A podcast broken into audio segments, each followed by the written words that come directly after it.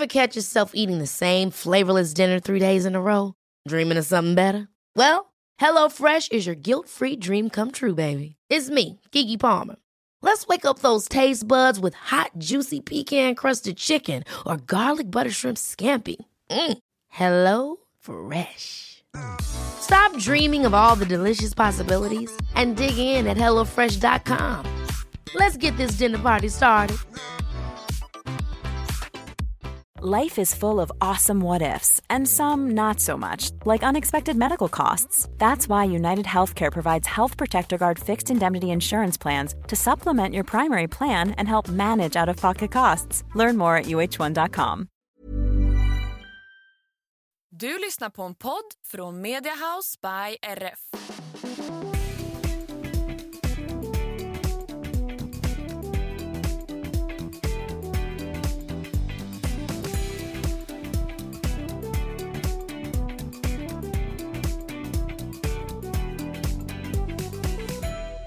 Hej på er allesammans och välkomna till systrarna Elfstrands hästpodd avsnitt 162. Välkomna, jag som pratar nu heter Emma. Och jag heter Anna och det här är podden om oss, våra fyra hästar och hästsporten i stort och smått. Det stämmer bra det och ni ska bara veta hur svårt det var för Anna att få på sig hörlurarna idag för hon är inte så frack kan jag meddela. Nej men eh, det känns som att vi i varje poddavsnitt har någon ny krämpa, eller kanske jag för tillfället i alla fall. Ja, jag är ju väldans fräsch nu får jag säga. Det är du, men eh, jag har ju då överansträngt mig på gymmet.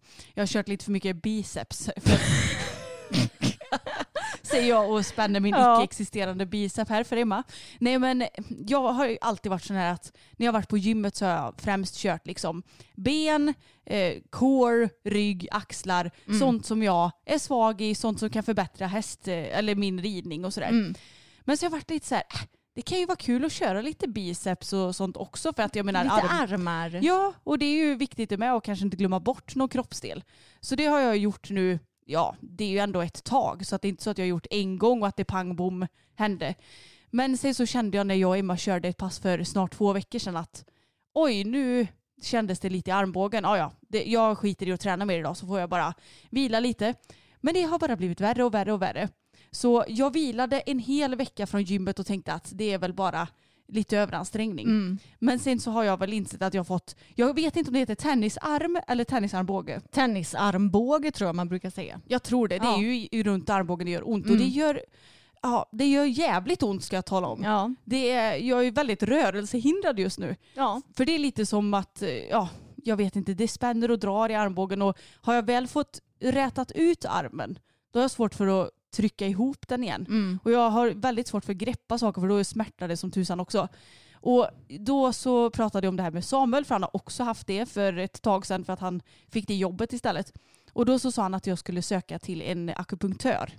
Så det har jag gjort men jag har inte fått en tid förrän om en vecka. Ja. Så det känns ju väldigt surt. Mm. Att jag ska behöva gå och ha ont. Och det är också så himla konstigt för att i lördags eller om det var fredags då kände jag bara men gud jag får typ avboka min tid för jag har ju knappt ont överhuvudtaget. Mm. Och sen så pang bom till söndagen så hade jag så ont så att jag bara åh.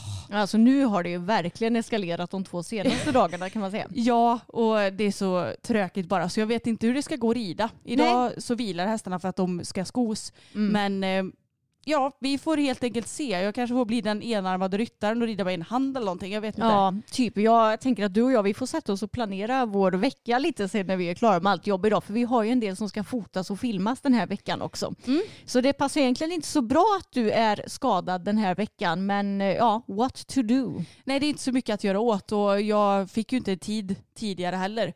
Så att, eh, jag hoppas att den här akupunkturen ska göra gott. Jag är lite rädd för det. Ja, vi har aldrig gjort det någon gång. Nej, och det är det som skrämmer mig lite. Jag är ju inte nålrädd eller någonting men eh, det känns lite obagligt att göra något man aldrig gjort förut. Ja, jag, jag hade tyckt det varit intressant att testa. Sen vet jag inte vad, exakt vad jag skulle testa för. Nej, Men man kan ju göra akupunktur för typ så här stress och ångest och sånt där också väl? ja just det, det tror jag. Så ja, jag vet inte, det finns ju massa användningsområden som det hade varit intressant att prova. Men jag känner också att jag eh, är inte så sugen på att lägga pengar på det just nu. Nej, det kostar ju lite. Jag tror det var en eh, 680 kronor eller något sånt där och så ska Mm. jag göra det minst eh, två gånger. Så mm, då får jag lägga lite pengar på mig själv. På sånt jag egentligen inte vill. Det är tur att vi ska få tillbaka skatteåterbäringarna. Det är väldigt tur. Eftersom ekonomiansvarig Emma alltid ser till att betala lite extra skatt när vi tar ut lön så att vi ska få lite återbäring. Ja men det är ju faktiskt lika bra tänkte jag Hellre säga. det än tvärtom att man måste betala in. Gud ja. Men eh, du mår bra eller? Jag mår bara fint, har haft en väldigt härlig vecka med hästarna. De har skött sig så bra allihopa. Tage han tappade en sko när vi red i torsdag så han gick eh, ja, bara fram tills dess då. Men skötte sig väldigt bra då. Bella hon är ju fin som vanligt. Mm. Pebban också superfin. Börjar ju verkligen komma igång mer och mer nu. Fick ju travat lite bommar och galopperat lite bommar med henne förra veckan också. För första gången efter skadan och det finns ju ute på Youtube. Men sen framförallt så har ju jag ridit fokus en del förra veckan. Ja du har ju snott honom från mig eftersom du skulle tävla nu igår. Mm. Och det gjorde ni ju. Det gjorde vi och jag red honom först på vad var det, tisdagen så red jag i ridhuset. Mm. Och då red vi i vårt ja, vanliga stora ridhus som det ju inte är några dressyrmått på utan man rider typ på en stor kvadrat nästan kan man säga. Och då kändes det, ja det var kanske ett av våra sämre pass skulle jag säga den senaste tiden för det har ändå gått väldigt bra när jag har ridit men han var lite, inte riktigt framme för skänken, eh, stundtals kändes det väldigt bra men stundtals så, ja men jag fick inte riktigt till den här härliga känslan som jag kanske har haft. Sen i fredags så åkte vi till Bodils ridhus som är 2060 och tränade lite program. Och då fick Pebban hänga med också. Ja, och det var så roligt för att ja, men hon är ju väldigt, väldigt, väldigt cool på alla sätt och vis. Det är inte så mycket som skrämmer den hästen. Men hon är ju lite ljudkänslig. Och på gott och ont den här dagen så blåste det ju väldigt, väldigt mycket. Och Bodil har ju, vi har ju förklarat det här ridhuset lite, men för er som inte vet så är det typ som en tältduk till tak och lite på väggarna. Ja. Typ. Jag vet inte riktigt vad det kallas. Men därför när det blåser ganska mycket så slår det ju lite i den här duken. Mm. Liksom. Ni vet ju ni som har varit i diverse tälthallar att Mm. de låter lite när det blåser. Ja, och även rör lite grann på sig Mm. där i väggarna. Och sen är det perforerad plåt heter det va? Jag tror det. Ja, så man ser ju ut. Så att hästarna ser ju det som händer på utsidan också. Mm. Och när det blåser massa så är det ju en hel del grejer som rör sig och det låter hur mycket som helst. Så ja, vi har ju tammat in oss och, åkt dit när det har varit typ halvt storm två av tre gånger. Men jag ser det som att det är bra träning för man vet ju aldrig hur förhållandena är på tävling så då är det lika bra att utsätta hästarna för all möjlig skit på, på träning. Verkligen. Och båda två skötte sig väldigt, väldigt bra då får jag säga. Pebban hon var ju lite spänd i början men sen så släppte väl det typ helt och hållet eller? Ja men hon är ju så fantastisk på det sättet för jag märkte att hon så här ryckte till lite när det lät lite i duken och det lät lite i dörren när Mm. vi red förbi så då hoppade hon lite åt sidan och ja men lite sådär. Mm. Men sen så ju mer jag red igång henne och travade och började galoppera lite så släppte hon allt. Mm. Och det var lite kul för att jag tänkte att eftersom vi ändå är på en 2060 bana då kan vi för skojs skull bara rida igenom lätt A3. Som du fortfarande kommer ihåg. Ja för jag, jag skulle säga det, jag hade ju lika gärna kunnat rida igenom typ ett lätt B-program för det är ju enklare men jag kommer inte ihåg dem. Nej du kommer inte ihåg lätt B2 och lätt B3. Nej, typ. Mm. de är erased ur mitt eh, Ja. minne just nu. Så då gjorde vi det. Och det gick verkligen över förväntan. Ja, ska vi säga vad som ingår i lätt A3 också för de som inte vet det? Ja, det är ju inridning i galopp. Det är Mm. lätt A i första programmet som man rider in i galopp istället för trav. Mm. Och sen så är det förvänd galopp, det är skänkelvikningar, Ryggning ryggning ja. och förlängd form. Just det. Så det är väl det som är liksom svårigheterna kan man säga. Och jag måste säga att hon gjorde det väldigt bra. Det som egentligen var svårast var övergångarna. Ja. För hade jag gjort en, eh, säg ökad eller mellangalopp så var det lite svårt att få henne tillbaka först till lite mer samlad galopp och sen tillbaka till trav. Hon blir lite, lite lång och kommer inte riktigt ihop sig. Men Nej. jag menar, herregud, hästen är ju inte tränad så himla mycket än så det kommer Nej. ju att komma säkert. Mm.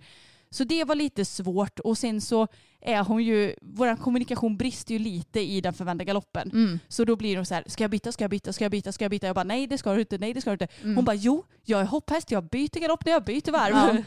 så där märker man ju lite att eh, ja, men vi behöver rida ihop oss mer Mm. på den förvända galoppen. Men när vi väl får till den förvända galoppen, Mm. då gör hon den så sjukt Ja, bra. så fin. Och hon är ju en skänkelvikningsqueen också. Japp. Hon är ju väldigt duktig på både skolor och skänkelvikningar. Hon är ju mjuk som smör i kroppen och bara flyter på så himla fint. Och jag sa det när du red igenom programmet alltså att wow, ni hade ju kunnat starta det här imorgon känns det som. För att hon är så jäkla fin. Det är helt galet. Jag tycker till och med att hon är finare nu än vad hon var ja, men i dressyren när vi typ köpte henne och det that doesn't make sense för jag menar hon har vilat så pass länge. Ja, Och hon, hon var ju riden av en duktig person när vi köpte henne också. Precis, men jag tycker att, jag vet inte vad det är, men det är liksom så här, formen är bättre, hon är ihop sig lite bättre, hon går ju naturligt i en så himla fin form. Det är ju extremt sällan som den hästen hamnar bakom lodet till exempel. Ja, man har ju nästan ett större problem att hon inte riktigt kommer ihop sig i formen då. Mm. Och det är ju ett lyxproblem anser jag. Ja, precis. Hellre det. Jag menar inte att det är ett problem, men ni förstår vad jag Nej, menar. hon, men hon är bara så himla fin och jag, jag tror att det är en häst som dressyrdomare kommer att gilla eftersom Mm. hon är så stadig och eh, rör sig bra, fin, eh, går i bra form för det mesta. Ja, nej, alltså, det ska bli så kul att eh, ta ut henne på dressyrbanan också så småningom för jag tror hon kommer göra sig bra där. Och förhoppningsvis att hon inte kommer bli spänd och sådär heller för hon är ju som sagt en väldigt cool häst. Ja, men även om det känns som att vi hade kunnat komma ut nu så kommer vi inte göra det utan vi väntar väl ett litet tag tänker jag. För det är ju ändå roligt att känna att övergångarna sitter lite bättre än vad de gör. Att man är lite mer förberedd. Exakt. Mm. Men eh, jag red ju också igenom Medelsfoseet på Fokus då.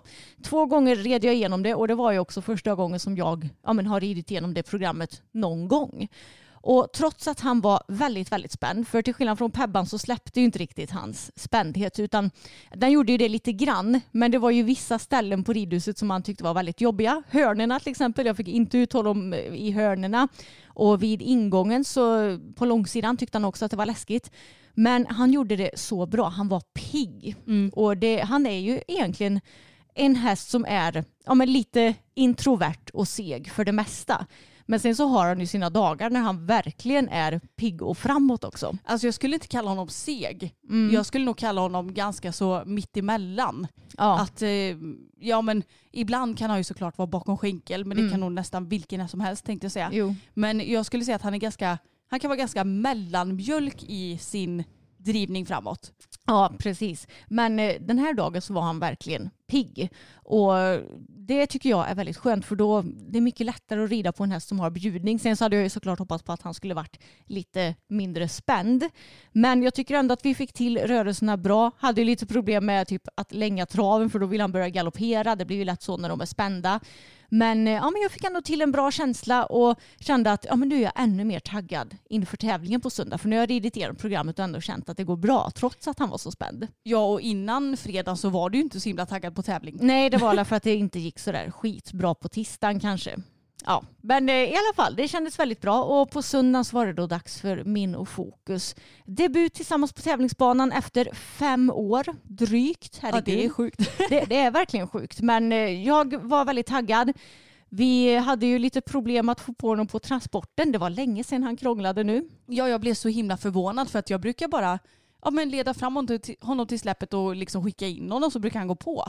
Men nu var han så här, nej, nej jag vet inte, nej jag blir lite blyg typ. Mm. Och jag bara jaha. Så då försökte vi en stund och eh, ja, han slet ju sig en gång också. Vad är det med oss att liksom tappa våra hästar? Ja, jag när vi... fattar inte.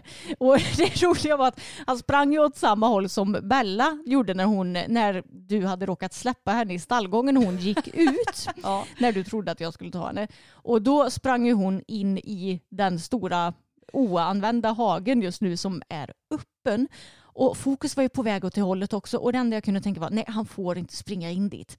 Och som tur var så lyckades jag ju ändra riktning så han sprang in i paddocken istället. Så det var ju det var bra, då kunde vi fånga honom där och sen så gick han på transporten eh, ganska så snart efter det ändå. Ja, vi eh, tog hjälp av lille Tage som fick vara lite moraliskt stöd. Jag vet inte hur mycket hjälp det egentligen gav för Nej. Fokus ville inte gå på transporten även om Tage var där. Så jag tror, jag tror nog att det var lite tid snarare som fick på honom. Ja, men det är också det som är så skönt för att nu har vi ju verkligen lärt oss att det är ingen idé med fokus att eh, ja men vi bara sätter en viss tid och så att det blir stressigt resten av dagen utan vi sätter ju lite extra tid överallt.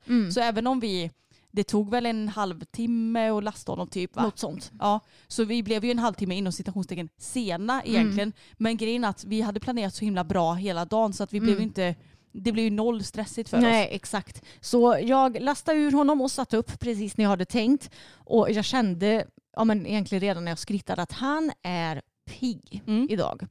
Och inte bara pigg skulle jag säga utan snarare åt det heta hållet. Och det, jag är inte så van vid att fokus är det. Han kan ju vara det när man hoppar. När han blir taggad så blir, blir han ju också kanske lite åt det heta hållet. Men inte lika ofta när man rider dressyr. Den enda gången jag känt det, det var ju när han blev själv i ridhuset när, Ja. eh, när jag tränade och han blev lämnad. Men också så här, väldigt härligt. Han var lite rädd för en pall i ridhuset men annars så var han, tycker jag att han var avspänd men ändå åt det heta och taggade hållet. Så han var väldigt rolig. När han är så framåt så tycker jag också att han blir mjukare åt sidan. Lättare för att få till skolorna till exempel. Så jag fick till en väldigt, väldigt bra framridning. Fick testa på alla rörelser som var i programmet och allt kändes riktigt bra. Så jag kände mig verkligen redo och taggad för att ja, men nu ska vi nog kunna prestera bra inne på banan. Men samtidigt så visste jag att ja, men nu känns han så här på framridningen. Det är ju inte alls säkert att jag har samma känsla inne på banan. Men tror det eller ej så hade jag nästan precis samma känsla inne på banan. Ehm, Det är nog första gången det händer Ja, ja faktiskt. faktiskt. Och det är ju väldigt härligt. Nej, men han var så himla avspänd. Jag tänkte det, jag, jag visste att jag skulle köra på din taktik att så fort jag kommer in ska jag galoppera. Och det gjorde jag. Jag skrittade in på banan och sen galopperade jag ända tills jag fick startsignal. För han är ju en sån där som eh, Alltså att skritta ger honom inte så mycket. Och inte trav heller utan det är i galoppen som han spänner av mer tycker jag. Ja, i skritten blir han ju snarare lite segare i så fall. Och det är Mm. inte så att han spänner av utan han, blir, han har ju snarare tid att titta på Ja. allt då. Precis, så jag tänkte att jag kör galopp. Så jag fattade galopp och sen galopperade jag ett par varv på volten nere vid domaren för att han skulle få titta där. Det är klart att han tittade lite grann de, den första gången kanske. Men när jag hade gjort det åt båda varven så var det liksom inga konstigheter där nere. Han var inte rädd för några blommor eller några bokstäver eller sånt där som man kan få för sig att vara rädd för ibland. Så jag kände att ah, men nu känns det riktigt redo och nu kör vi. Men han var så himla pigg det här programmet. Och jag är inte van vid att han är så pigg så då blir det lite så här det är svårt att bolla det lite. det, det är lite svårt att bolla det men jag tycker ändå att jag höll ihop det bra. Travprogrammet gick ju faktiskt betydligt bättre än vad jag trodde att det skulle göra för i Medelsvår C1 så är ju snarare galoppprogrammet hans styrka. Ja men det var så kul för att jag, jag filmade ju då givetvis det här, den här ritten och så kände jag när jag stod där uppe och filmade och du gjorde sista halten och ryggningen inför skrittet jag bara Mm. Vilket bra travprogram du fick till Ja. för det är ju inte helt självklart. Nej. Speciellt inte med tanke på att det är så här, tredje gången du red igenom programmet överhuvudtaget. Nej. Ni är ju kanske inte så sammansvetsade som jag och Fokus är. Nej, Det, det är ju mycket som ska klaffa för att det ska Mm. gå bra på en dressyrtävling. verkligen. Och jag fick till och med en sjua på ena öppnaren. Det har aldrig Anna fått på Jag bara din jävel. Nej. Det lyckades med. Jag fick inte lika bra på slutena då. Men jag tycker att första slutan blev jag ned. Jag kommer inte ens ihåg vad jag fick på den. Men jag har Nej. sett filmen på den och jag tyckte att den var bra. Så det tyckte jag var snålt. Men eh, ja, jag, jag är faktiskt nöjd med hur jag fick till öppnarna. För jag har ju inte jättelätt för att rida öppnare. Men jag tycker ändå att Du fick väl 6,5 och 7 på dem va? Ja, något sånt där. Mm. Eh, Det är bra. Vi får se på filmen för jag kommer Ja. inte exakt ihåg mina poäng i huvudet. Eh, sen så skritten, jag tycker att jag fick till den så bra som jag kunde för det är ju kanske inte riktigt eh, hans starka sida. Men sen när vi kom till att eh, ja, korta upp tyglarna till mellanskritten och fatta galopp, alltså då kom ju han igång på riktigt. Japp. Och eh, han hade varit så här stadig och fin i formen i travprogrammet men sen när vi fattade galopp då började han ju köra upp med huvudet och slänga med huvudet. Ni vet som man kan göra när han hoppar ibland. Ni som har sett våra vloggar från hoppträningar. Några sådana där huvudskakningar gjorde han ibland. Och det är klart att det drar ju ner poängen och det drog ju säkert ner kanske lite på lösgjordheten också. Eh, och sen så fick jag inte riktigt till till exempel första förvända galoppen. Han var så nära på att byta galopp i den och blev så taggad och då fick jag inte riktigt till bågen och stabiliteten. Han blev lite ostadig i formen. Eh, jag fick till första enkla bytet men andra enkla bytet så blev han också typ lite som en orm och slängde nog med huvudet också tror jag. Så det blev lite huvudslängningar, lite små missar i galoppen vilket var synd för som sagt egentligen är ju galoppprogrammet hans starka sida.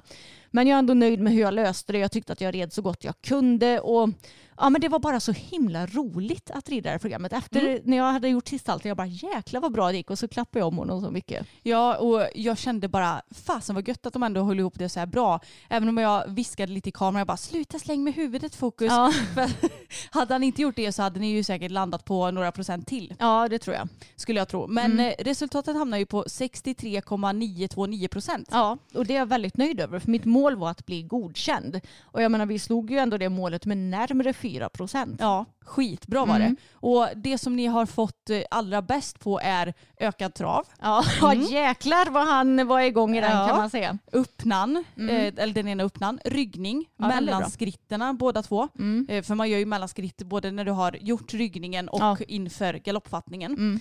Eh, den fick ni också en sjua på. Mm. Och sen så har ni fått sjua på eh, ja, men, den andra fattningen där Mm. från trav. Första enkla bytet, den andra förvända galoppen, Mm. halten och sen gångarterna och korrektheten också. Ja, så det blev ju ändå ett gäng sjuor. Ja, och det sämsta var en femma. Så att jag menar Mm. det är ju absolut inte någon miss i att, ja men typ som att ni fick travinslag Nej, i någon exakt. galopp eller Utan något det var ändå ganska så jämnt hela programmet Mm. runt. Så ja, men väldigt nöjd, det var skitkul. Nu Eh, är jag taggad på att eh, kanske dra ut honom på någon mer medelsvår C-klass så småningom. Men det får väl dröja lite för nu ska ju du förbereda dig inför division 1 som du kommer rida hela jag tänkte säga hela våren men det är maj. Ja, det är varannan vecka, april till maj tror jag. Mm. Så det är ju inte så, så länge. Men jag, jag känner att jag behöver gärna tävla honom lite nu så att vi blir lite varma i kläderna. Ja.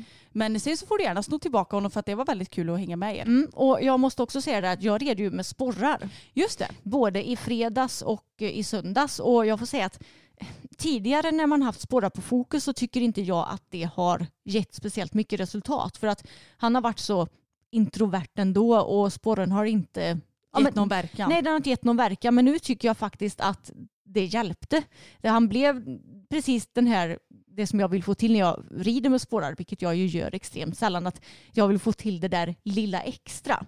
Och det var det som jag tyckte att jag fick nu. Vissa Mm. hästar kan ju också bli lite irriterade när man rider med sporrar och snarare kanske, Surna ihop Ja, och sparka lite mot skänken och sådär då. men inget sånt utan bara så här väldigt fint framåt. Så jag sa det till honom att du kanske också ska prova att rida honom med sporrar på tävling någon gång. Ja men jag får kanske prova det för att jag, jag gillar ju egentligen inte att rida med sporrar sådär jättemycket. Nej. Men det kan ju ändå vara en idé att ha det enbart på tävling och kanske Mm. någon gång på träning. För att Ja, jag vill ju också att sporren inte ska vara en självklar del i vardagen. nej utan jag, verkligen. jag vill att det ska vara så här när man behöver lite extra eh, hjälp på traven. Ja. För att annars så blir det lätt att man har de där spårarna. Det är så många gånger jag har råkat se på sociala medier, råkat se, som jag har sett på so so sociala medier att så här, ah, jag råkar glömma sporrarna i stallet idag. Att det, liksom är, det är en så självklar del i vardagen att man har det varje, varje, varje dag, Ja. varje pass. Och då blir det en katastrof om man råkar glömma dem. Typ. Typ så. Mm. Och att man har det även om man rider ut eller rider dressyr eller hoppar eller inte vet jag. Nej men sådana var ju vi förut också. För Ja, typ ja. så här tio år sedan. Då, kunde, då klarar ju inte vi heller oss utan sporrar. Nej. Och då är det så här då känner jag att då är inte hjälperna helt renodlade och du har ju inte löst själva grundproblemet som kanske är att få hästen framme för skänken.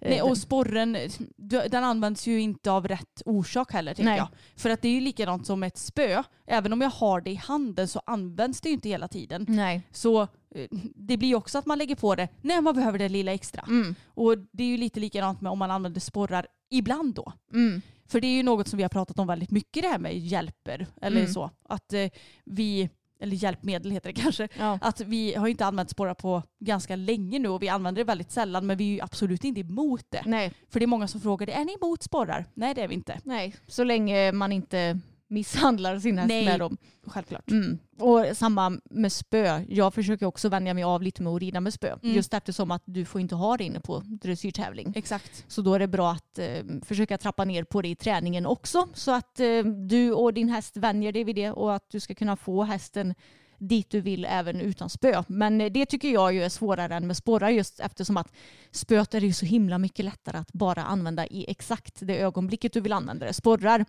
eh, blir ju mycket mer att du använder det kanske trots att du inte ens tänker på att du använder dem. Precis, och det är också lite därför jag inte är superfan av att använda det själv. För att jag Mm. känner att ett spö är så himla, det är ju mycket mer medveten användning än Mm. sporre. Sen är det klart att det finns ju människor som verkligen kan så här, nu rider jag med bara skänken, nu rider jag med bara sporren. Och jag försöker ju så gott jag kan Mm. att använda det medvetet, men det är ju mycket svårare. Ja, jag tror att många människor överskattar sin förmåga när det kommer till att veta när de använder bara vaden och när de använder sporren. Jag tror det är, det är nog en väldigt, väldigt, väldigt liten procent som klarar av eh, den skillnaden. Ja, den medvetna användningen. Mm. Det ser man ju också eh, ja, men på folk som rider och när de använder skänkelhjälpen att sporren den är ju där allt som oftast hela tiden och gnager inom I varje steg. Typ. Ja. Mm. Så ja, det, det är inte lätt. Men eh, ibland så tycker jag nog helt klart att sporren eh, hjälper och säkert kanske skulle kunna hjälpa dig och fokus på tävlingsbanan också. Ja men jag får testa. Jag ska ju förhoppningsvis om armbågen är OK tävla nästa vecka. Ja. Så eh, då kanske jag får ta ett litet Annars test. får jag ta honom. Eller tävlar jag samma dag? Nej det gör du inte. Nej. Så, så, så det löser sig i så fall. Perfekt. Och det ska tilläggas också att vi rider ju- med så här 15 mm kulsporrar. Ja det är ju ponnysporrar. Ponnysporrar, det är det som Det är inga tre centimeter med Nej. eh, hjul eller vad heter det? Nej, Snurra. eller som är platta. Mm. Ja, gud, jag tycker det känns obehagligt. Ja vi har ju så milda vi bara kan. Mm, exakt. Men Men det finns väl i och för sig mildare sådana här eh, som vi har pratat om förut. ja, som bara är typ ett gummi. gummigrej. Ja, Ja. exakt. Nej, men, eh, så jag red ju fokus en del förra veckan och även provade att hoppa honom i onsdags. Mm. Vilket ju gick bra till en början. Det var ju några månader sedan som jag testade nu när han inte alls ville. Och det gick så himla bra till en början. Han var så fint framme för skänken. Men sen så när jag bara skulle ta typ så här sista banan så tog det bara stopp. Mm. Jag blev så förvånad. Ja och det var så konstigt för ni hade ju hoppat två hinder på banan Mm. och sen så skulle ni styra på det tredje och han bara, Nej. jag såg flera meter innan att han bara, nej jag tänker inte hoppa det där. Nej. Och så försökte du en gång till och han bara nix Nej. pix och så försökte vi lägga ner det men det gick inte det Nej. heller. Sen så gick det ju för då tog du ju ettan på banan igen Mm. fast nersänkt. Ja. Då hoppade han det och sen så styrde du på det här igen och då vägrade han. Mm. Så jag vet inte riktigt vad det var med honom med just det hindret. Nej. Sen så satt jag upp och då hoppade han ju Mm. det där hindret med mig. Ja. Så jag vet inte om vi ska konstatera att han inte vill hoppa med sin muster inom citationstecken. precis. Alltså du. Nej, och vi har också sagt att det vore intressant att prata med Kajsa igen. Alltså ljudkommunikatören Kajsa som har gästat podden och fråga Fokus. Ja, men varför vill du inte hoppa med Emma? Ja. Varför vill du bara hoppa med Anna för? För han hade ju definitivt haft eh, något att säga om det kan jag tänka mig. Det tror faktiskt jag också. Mm. Så vi kanske får ta tag i och kolla upp det. Vi får eh, skriva upp några frågor i fokus. Och... Ja. Ja, men just, dem. just nu är jag och Fokus bara kompisar i dressyren då. men jag är ändå glad att ni är kompisar någon gång. För från början så var det ju typ inte det.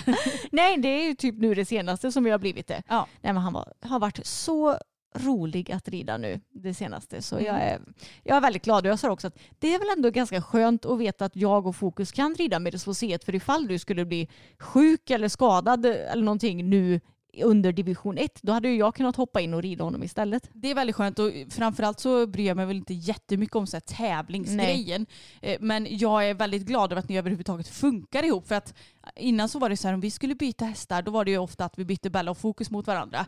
Då var det sånt jäkla gnäll över att Ja, han var vet. så seg och det var så tråkigt och det var inget kul. Och, alltså, jag kände bara, ah, då, då blev jag lite illa till mods och hans vägnar för han Mm. inte rå för hur han är. Nej. Men eh, nu när han har utvecklats en hel del så Mm. syns det att du tycker det är mycket roligare. Ja, jag hade ett leende på läpparna när jag tävlade om i Ja. Det såg du va? Ja, det såg jag. ja, Det var riktigt roligt.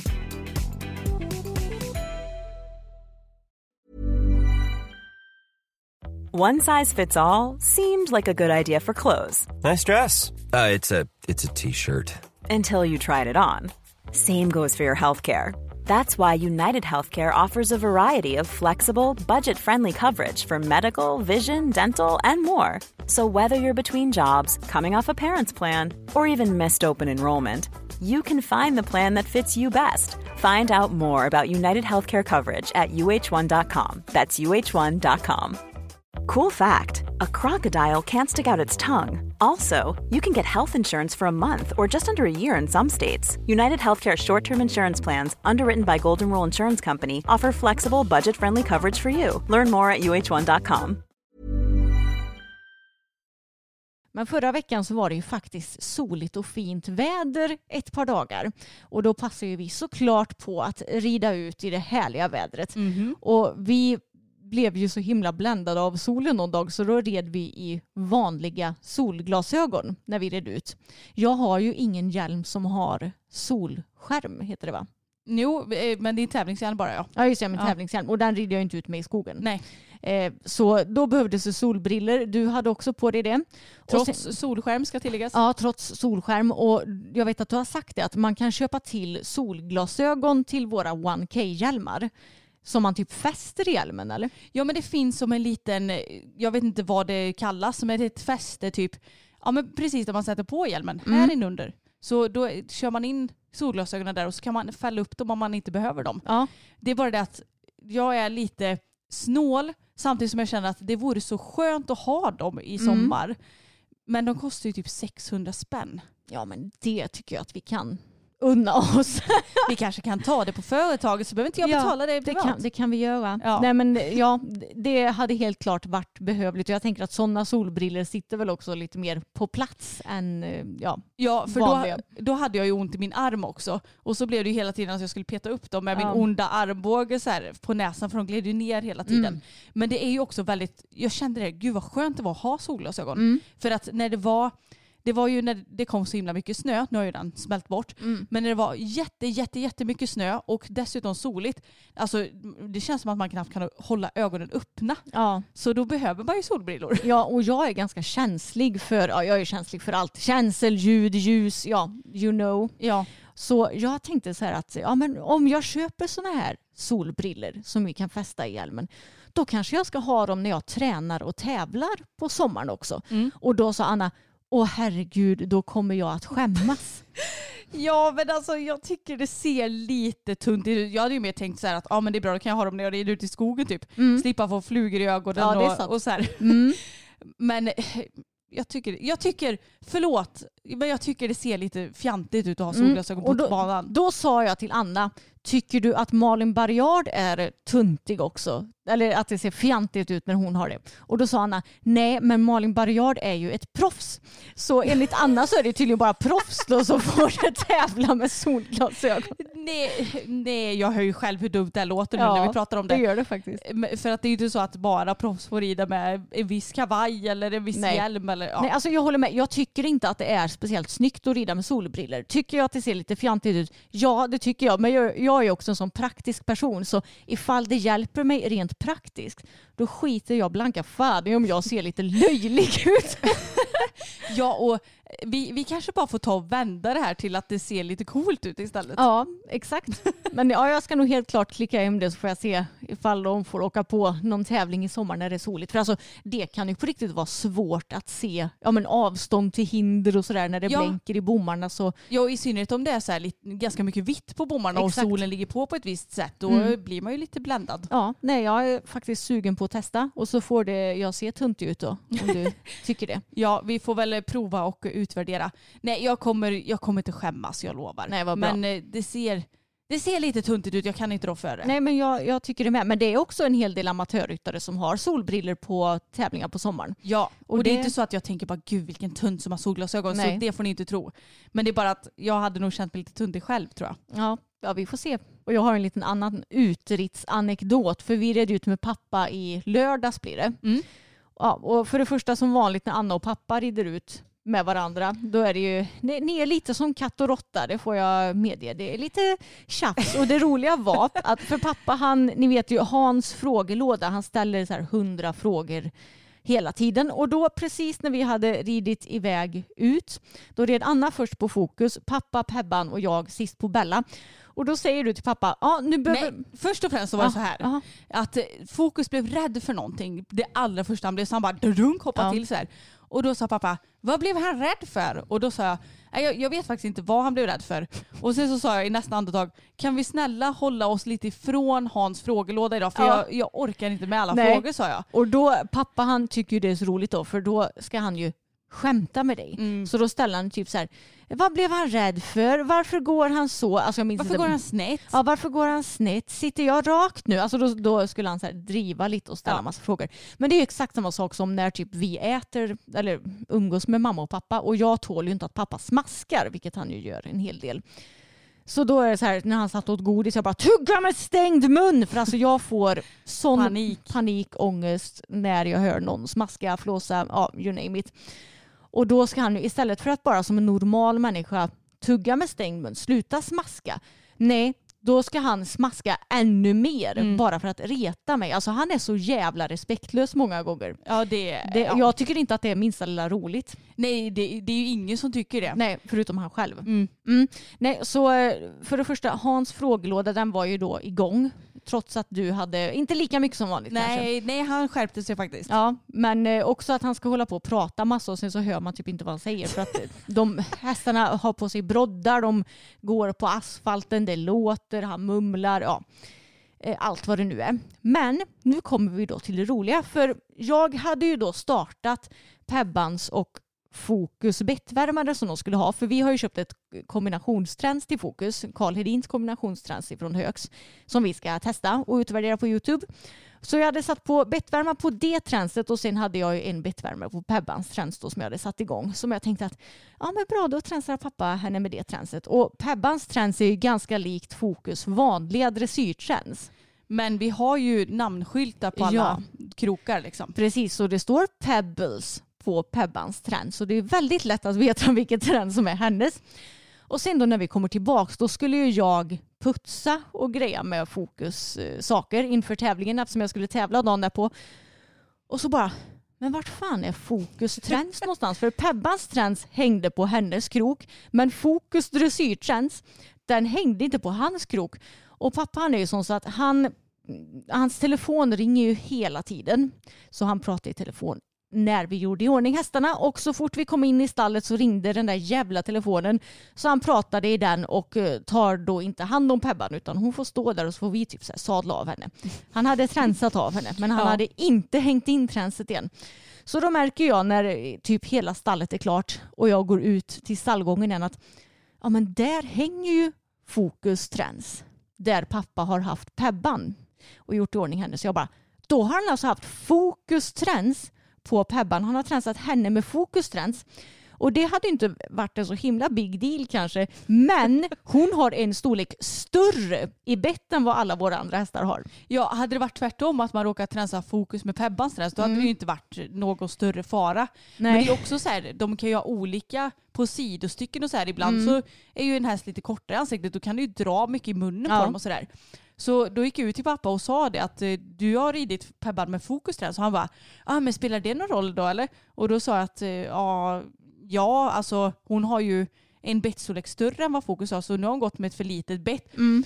Då fick han lite dåligt samvete och då sa han nej har hon fått sår i munnen nu då eller? Mm. Så ja, då kanske han ändå lärde sig att han får kolla en gång extra innan han tränar. Man får hoppas på att han gör det i alla fall. Och det är inte hela världen att det har hänt en gång. Men Nej. det är klart att det är ju viktigt att inte hästen går med ett för litet bett i Ja, munnen. hon verkar ju inte bry sig så mycket men Nej. å andra sidan hon är ju ganska så obrydd av sig generellt. Det kan man säga. Och jag måste ju också bara dra inom min och pappas, eh, jag skulle inte säga det konflikter, men eh, lite, ja vad ska man ens kalla det? Ja men jag skulle nog nästan kalla det för en liten konflikt för det här var ju samtidigt som jag höll på och putsade och grejade inför tävlingen och då, fick jag, då stod jag där inne och fnissade lite grann för mig själv. Ja, för då skulle jag göra i ordning maten som vi skulle packa med oss till fokus dagen efter. Så det var, jag fixade hans kraftfoder och jag fixade hans hö. Och vi har ju mesh som vi alltid blöter upp inför, eh, ja, men inför utfodring för att det är det man ska. Och det är ju också väldigt viktigt att veta vad man ger hästar för mat oavsett om man väljer att ge det som godis eller som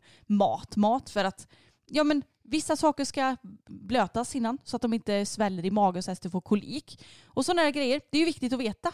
Och pappa han jobbar ju på Imaso som också säljer hästfoder och det är den müslin som vi har utfodrat våra hästar med tidigare. Och den müslin har vi i stallet för att vår inackordering ger sin häst det. Så det ingår liksom i hyran. Och då hade han fått med sig två gratissäckar hem för att jag vet inte, det var väl någon som hade råkat köra på en säck eller någonting som hade gått sönder. Och då fick pappa ta med sig den gratis. Yes. Och sen så kommer han in från Bellas och Pebbas hage och så säger han ja den där Bella hon står bara och tittar på mig så nu ska jag ta och ge henne lite godis. Så jag tar av det här Fiber Force eller vad det nu hette Ja. det här fodret. Så tog han en hel skopa sån och så gick han iväg och jag bara du pappa vet du om ifall det ska blötas eller inte? Han, eller, för han, han bara ja det är ju lucern och grejer i det så det är väl bra grejer. Ja. Jag bara lucern? Då fick jag ju panik. Jag bara pappa vet du om det ska blötas eller inte? Först han bara nej men det, de får så lite så det är ingen fara. och jag bara men för fan! Pappa, du måste kolla upp om det ska blötas först eller inte. Han bara, nej men det är ingen fara, det är så lite så det, det gör ingenting. Ja. Och då fick jag ju ryck på honom Mm. och bara men du får väl ta och kolla upp det först. Jag vill inte att du sk- skapar någon kolik på någon av våra hästar. Mm. Han tycker ju att du är en sån drama queen. Ja. Bara, Varför håller ni bara på och gnäller hela tiden? Varför är du så sur hela tiden? Och du bara, men hur jävla svårt ska det vara att läsa på säcken? Och sen så läste jag och då var det ju sån här lucernhack så det behövde ju inte Nej. blötas först. Men jag får panik på att han kanske går och fodrar. Jag menar skulle han ta en skopa med betfor och bara helt torrt och sprida ut i hagen? Ja. Nej, då, nej, Det, man gör inte så bara, man Nej. måste läsa först. Ja. Det är klart att han får ge våra hästar godis och ge dem lite kraftfoder som godis i hagen. Men läs först, Ja. gör sen. Tänk först, agera sen. Mm, jag hade en rolig stund där när jag hörde er tjafsa kan jag säga. Ja men grejen att det är, det är ju inte så att vi tjafsar. Jag blir mest bara irriterad på att han inte kan ta reda på saker först. Ja, jag vet. Så ja, då gick han ju och gav Bella lite godis sen. Och jag bara, vad är det för fel att bara gå igen ett äpple också? det måste vara liksom kraftfoder Ja. typ. Ja, så att eh, jag hade en liten eh, stund då jag blev lite rädd. Och grejen är också att det är ju det är ju så här med foder också, att typ som Boppen, när vi stod på ridskolan, då råkade han ju komma lös en gång, Ja. en natt. Och så stod han och åt Torrbetfor va? Ja, jag vet inte hur mycket det var, men det var ju säkert en halv säck eller någonting. Jättemycket torrbet för att han hade stått och mumsat i sig. Mm. Och då tänkte vi att ja, nu så är det ju kört. Mm. Men eh, det, det var ju, alltså man märkte ju inte ens på honom att han hade ätit en Nej. halv säck betfor. Så det kan ju såklart gå bra. Jag tror att det ska ganska mycket till för att det ska hända saker. Mm. Men man måste ändå kolla upp sådana här saker. Ja. Jag är inte sån att jag är värsta säkerhetsgurun alltid. Men sådana här saker är så självklart för mig. Det är ju en sån lätt grej att kolla upp också Ja, tycker jag. verkligen.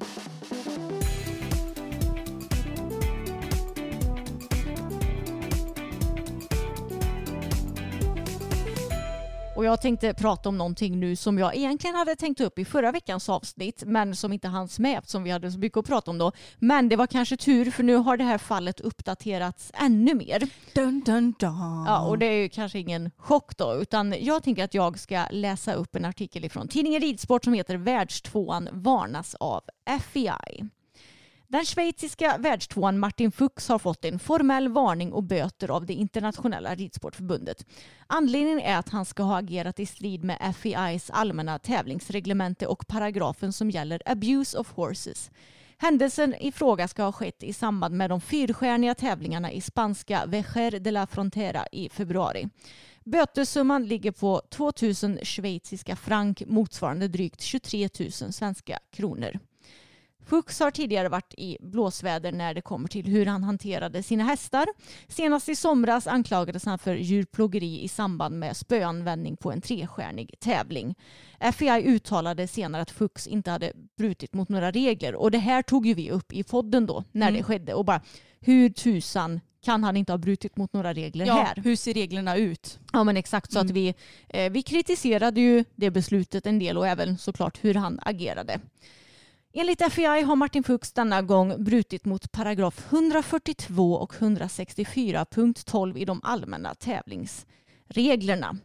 Och jag har ju sett den här filmen, jag har sett den på Epona där jag ju hänger en del på Facebook. De delar ju ofta med sig av sådana här nyheter och eh, ja men han piskar ju återigen en häst Mm. igen eh, mot huvudet vill jag minnas att det var den här gången också. Ja, och det var under en tävlingsstart alltså. Ja det var under en tävlingsstart. Vad hade hästen gjort då? Hade den stannat eller något annat eh, dramatiskt? alltså den såg väldigt väldigt stressad ut som Okej. om den inte fattade vad den skulle göra. Vad var jag det för ska- höjd typ på hindren? Vet du det? Jag ska gå in på Inte för att det spelar någon roll men jag tänker att vi målar upp en bild för våra lyssnare här. Ja, jag ska gå in på Epona och se vad som står. Nu ska vi se här. Eh, klass 1,55 med hästen Kommissar Pesi. Vi kan ju också länka till det här Facebook-inlägget så ni kan se filmen. Men hästen stannar inte på hinder utan den vill inte svänga höger. Eh, Så fokus då. Ja men exakt och den ser väldigt väldigt stressad ut. Han försöker få den att svänga höger och sen smäller han till den väldigt hårt två gånger på typ halsen upp mot huvudet. Och Smäller han till den på den sidan som han, typ på vänstersidan? nej, på, hög, på högersidan. Okej, ja. Och det konstiga är att han drar den liksom i munnen samtidigt. Nu försöker han, eh, ja, hästen backar och är typ på väg att backa ut mot utgången och han sitter fortfarande och drar i tygen. Eh, ja, det ser bara helt enkelt väldigt otrevligt ut. Mm. Och som vi har sagt tidigare så har ju vi sett till exempel ja, men någon sån här händelse tidigare på Falsterbo i somras när det var en ryttare som löste en liknande situation på ett mycket bättre sätt. Mm. Så det går ju att lösa på bra sätt istället för att man ska misshandla hästen. Så man kan ju säga som så att det är ju bra att han äntligen får någon, Någon sorts bestraff- varning och Mm. någon sorts konsekvens. Men jag tycker ju att det är alldeles för låg konsekvens, speciellt med tanke på hans, histo- hans historik. Att han har misshandlat sina hästar och slagit dem flera gånger offentligt tidigare. Vid både Clooney-fallet och nu det som var i somras till exempel. Så det är ju minst tre gånger offentligt som han har ja, men, slått upp sina hästar på tävlingsbanan. Så jag menar, vad händer inte på hemmaplan då om det är så här han kan tänka sig att visa upp sig officiellt? Ja, men jag kan inte förstå det riktigt för att ja, 23 000 svenska kronor var det ju som han fick böta till FBI. Ja, och det är ju ingenting för honom. Det är ingenting för honom så att det kommer inte sådär bara oj vad det sved i plånboken nu får jag skärpa mig jag får inte hålla på och slå mina hästar. Och sen kan jag känna också så här vad hjälper det hans häst? Ja, Visst det är ju också väldigt svårt gjort det är gjort och det är ju svårt att sätta plåster på ett eh, R liksom. mm. Men, eh, eller svårt är det väl inte men det hjälper ju inte. det hade ju varit mycket bättre om han hade blivit avstängd från tävling Exakt. under Och, en period. ja och att de kanske så här, nu kommer vi att komma och kolla dig på din hemmamiljö. Vi Mm. kommer så här eh, tio gånger på bara eh, Mm. random dyker bara upp. Fast det Ja. kanske också är svårt för det är alltså en massa grindar och skit. Ja, Men jag vet inte. Det, jag tycker det är konstigt att, att det är så här böter som inte Mm. kommer svida i hans plånbok Mm. och som inte heller kommer att hjälpa för att jag menar, ja jag blir bara så irriterad. Ja, Ja, att det är så himla fjösiga det är så åtgärder. lättvindigt. Ja, verkligen. Och det känns ju som att eh, vi som privatpersoner med sådana här eh, Ja, men vi kan ju inte göra så mycket utan de som kan göra någonting det är ju FBI. Det är ju sponsorer, de Mm. som har mycket pengar. Sponsra inte sådana här ryttare som gång på gång visar att de har en kass syn på hästar. Nej och varför får han vara kvar som världstvå undrar Ja, jag. precis. Degradera honom Mm. så att han inte får mm, vara kvar där för där har inte han något att göra enligt mig med tanke på att han inte kan bete sig. Eh, Så både FBI, sponsorer och framförallt hästägare, sätt inte några hästar i träning hos den här människan. Jag hade aldrig satt en häst i träning hos någon som jag vet beter sig så här mot hästar. Nej. Alltså vem vill det? Är det bara för att det, det är klart jag fattar att det är pengar, att de vill att hästarna ska få bra resultat och prestera. Men eh, ja, vi är ju inte sådana att vi tycker att pengar går före djuren. Nej. Så vi kommer alltid ha svårt att förstå det. Ja, vi kommer alltid ha svårt att förstå den biten. Men för många så går ju pengarna kanske snarare före djuren. Och då skiter man kanske lite i hur själva träningen och sådär ser ut. Mm. Men det som vi vanliga människor kan göra det är ju faktiskt att inte följa sådana här ryttare på sociala medier. Mm. För jag menar ju fler följare till exempel Martin Fuchs har på Instagram desto mer pengar kan ju han få i betalt av sina sponsorer eftersom han når ut till fler människor. Så det är ju någonting som vi vanliga människor kan göra för att eh, ja, förhoppningsvis kanske förhindra lite grann i alla fall att sådana här människor får fortsätta med sitt beteende. Ja, bra input tycker jag. Efter att den franska hoppryttaren Gregory Cotard tävlade i GHS och han red utan nosgrimma, eller han har egentligen bara ett träns med, eh, ja, med sidostycken. Han har ingen käkrem heller, utan ingen nosgrimma, ingen käkrem så att hästen går ju väldigt fritt och det var ju många som reagerade på det. Och, Ja, och han har visst inget pannband heller va? nej, det, Jag tror inte. Jag tycker inte det Nej. ser ut som det. nej, det ser inte ut Men som du, det. det är Mm. ett westerntrend ser jag här. För att Ja, det det ser ut som att han har en så här enöra. ja. Ser du det på ena örat där? Mm. ja, nu ser jag. Ja. Mm. Så han har ett westerntrend kan man nästan säga. Ja, precis. Och det är ju roligt att se Ehm, ja, men ryttare som kanske går lite mot normen och inte har någon onödig utrustning och sådär. Och i och med det här så har Hipson släppt en artikel som heter Nosgrimman praktisk eller onödig. Och den är med Petra Cederroth som är fysioterapeut som har över 20 års erfarenhet av både häst och människa. Och hon har också läst en ettårig utbildning om bettkunskap för häst och har kunskap kring olika nosgrimmers funktion och inverkan. Och jag tänkte att jag eh, ska läsa upp den här artikeln. Och Petra menar först och främst att tränset passform är det viktigaste oavsett användande av nosgrimma eller inte. Samma tanke gäller kring att köpa ett anatomiskt träns. Bara för att ett träns marknadsförs som anatomiskt så betyder det inte att det måste vara bra för just din häst. Tränset kan bli anpassat på fel sätt och då gör det ändå ingen nytta. Den som använder nosgrimma bör se till att den sitter korrekt på hästens huvud. Den övre tandraden på hästens övre käke ligger ytligt nära huden så det kommer att kännas mycket fysiskt för hästen om nosgrimman dras åt för hårt. Då kan man till och med bidra till att hästen får bitsår i munnen. Samtidigt får inte utrustningen sitta för löst så att den glider omkring, skaver eller stör hästen. Då kan du lika gärna ta av den. Hon rekommenderar att man bör kunna få in två fingrar mellan nosgrimman och hästens käke för att veta om den sitter lagom spänt. Vissa hästar trivs med nosgrimman i ridningen medan andra inte gör det. Om hästen trivs bättre utan nosgrimma kan det vara en bättre idé att testa utan. Den vanligaste nosgrimman idag är en engelsk nosgrimma med eller utan en aschenrem, även kallad snokrem. Det finns även remontgrimma och pullargrimma. Ett problem som nosgrimman kan föra med sig om den är felanpassad är att den lätt kan trycka på känsliga punkter på hästens huvud. Vissa menar att hästen behöver nosgrimma för att förhindra att den gapar vid ridning. Petra menar att detta är fel inställning då ryttarens tygelkontroll alltid bör vara tillräckligt mjuk så att hästen ska kunna hålla munnen stängd på ett nöjt sätt med eller utan nosgrimma.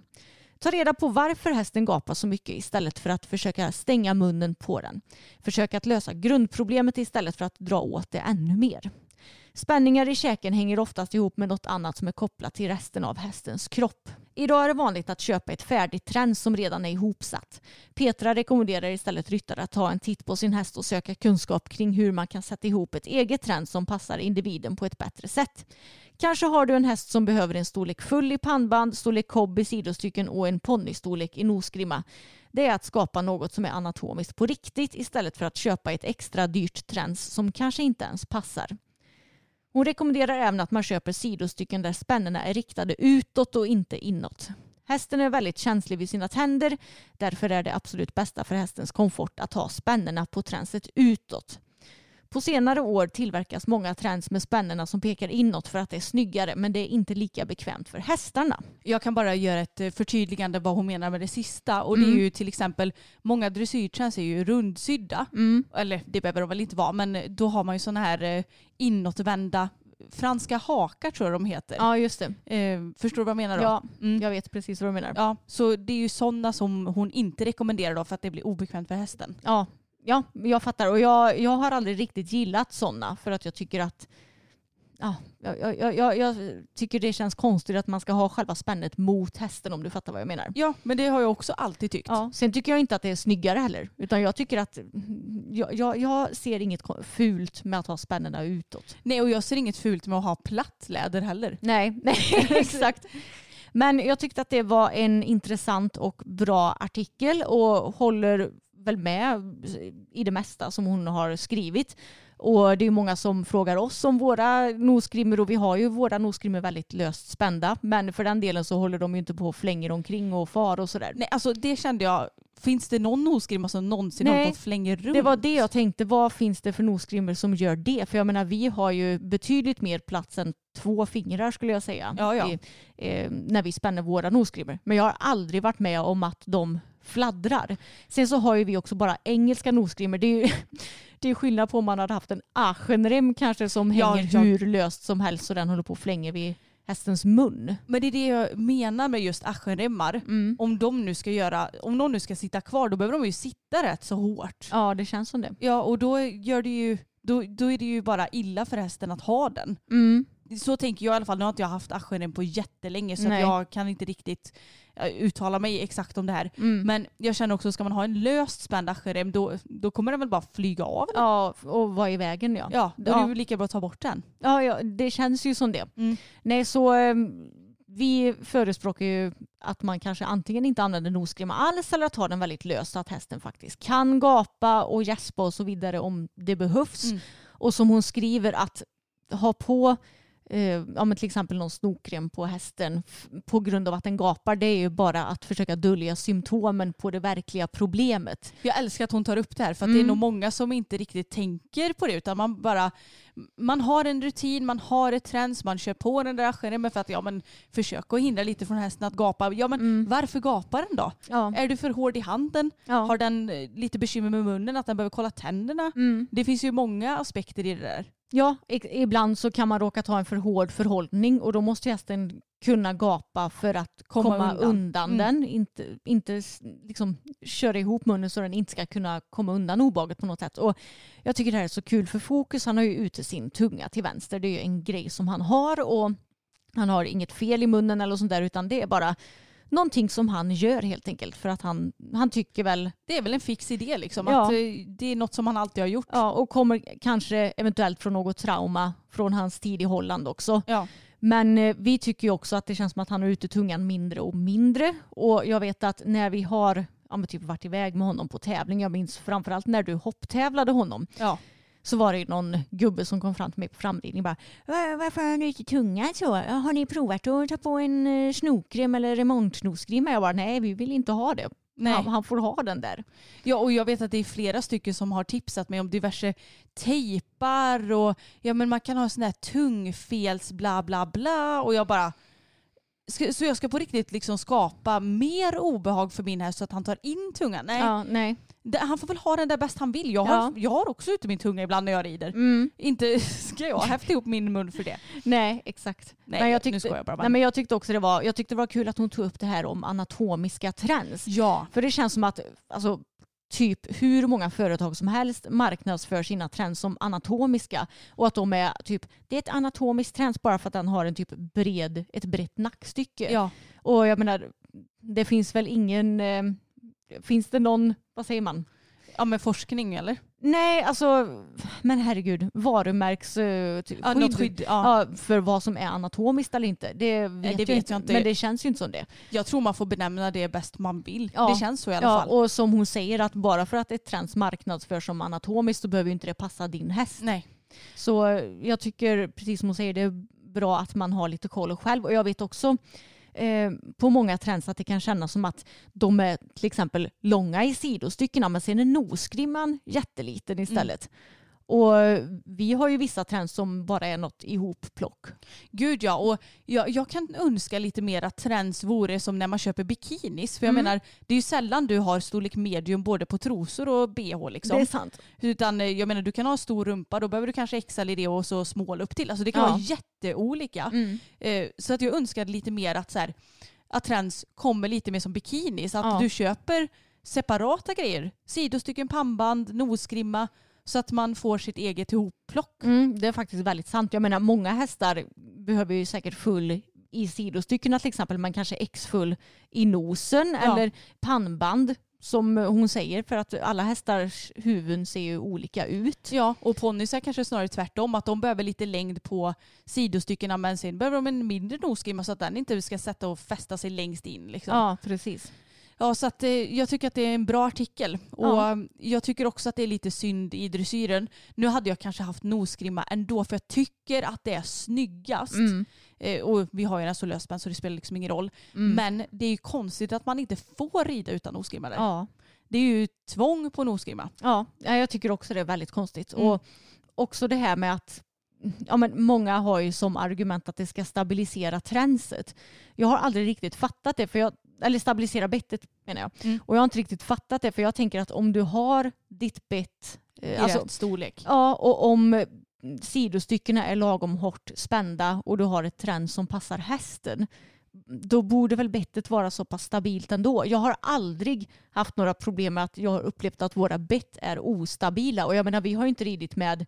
Jag antar att de nosgrimmarna som ska inom stationstecken stabilisera betten är de som går under bettet. För jag menar, en Ja. engelsk nosgrimma gör väl varken till eller från. Nej, det är det jag tänker också. Och jag tänker att om man nu tänker att, gud vad mycket tänker att det blev, eh, ska stabilisera bettet och då får man ju ha väldigt löst spända sidostycken så att det ska råka åka genom munnen då. Eller vad, Ja, vad är eller- det man tänker ska hända? Ja, eller att det ska, i så fall tänker jag att bettet sitter för långt ner. Ja men det är det jag menar, Mm. att man har för löst spända Ja, sidostycken. Mm. Så att bettet kan åka igenom då. Ja, eller glid är för långt ner så Ja. att det behöver tryckas upp med hjälp av... Ja, ja. precis. Nej, jag vet inte. Jag, jag, jag får inte riktigt ihop det. Jag tycker att det är lite att göra ett problem som inte finns om du fattar vad jag menar. Lite så. Mm. Nej, så vi, vi är ju ganska så mycket less is more när det kommer till ridning och utrustning som ni ju säkert vet. Ja. Använder inte någon utrustning som inte behövs till exempel. Försöker rida med så milda bett vi bara kan. Vi, som vi sa förut, vi rider ju inte med sporrar speciellt ofta till exempel. Så jag tycker det är bra att sådana här artiklar tas upp av någon som faktiskt har eh, ja, men utbildning och kunskap i det hela. Ja, jätteintressant. Ja men det var det. Tävling, utrustning mycket diskussion idag ändå. Ja, jag tyckte det blev ett härligt avsnitt. Eller vad säger du Ansi? Ja men jag hoppas att våra lyssnare ska tycka det också. Mm, och jag måste också passa på att säga att glöm inte bort att följa oss på Instagram. Där vi heter systrarna Elfstrand. För jag har sett att vi har fått en del DMs det senaste från folk som inte följer oss och som ställer frågor som du lätt hade kunnat få svar på om du följer oss. För vi har ju dels uppdaterar vi mycket flödet, vi uppdaterar mycket i vår story så den tycker jag verkligen att ni ska följa också. Och sen så har vi också höjdpunkter för våra poddavsnitt till exempel. Det finns info om oss, info om våra hästar. Så i princip alla frågor som finns tänkte jag säga finns ju att få svar på om man följer oss på Instagram. Exakt och då går man in på profilen på Instagram så står Mm. det ju höjdpunkter, de här små prickarna som är Mm. innan själva bildflödet Ja. kommer. Så det kan jag också varmt rekommendera.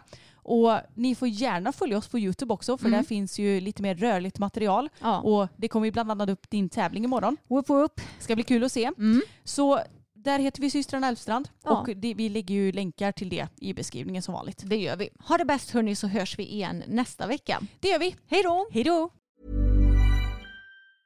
Hey, folks, I'm Mark Marin from the WTF Podcast, and this episode is brought to you by Kleenex Ultra Soft Tissues, your ally to help tackle your allergy symptoms this season. I love the change of seasons, but nobody loves pollen and all those other things floating in the air that make you sneeze during this nice weather. Kleenex Ultra Soft Tissues are hypoallergenic and allergist approved, so fight back against watery eyes and runny noses without worrying about irritating your skin. For this allergy season, grab Kleenex and face allergies head on.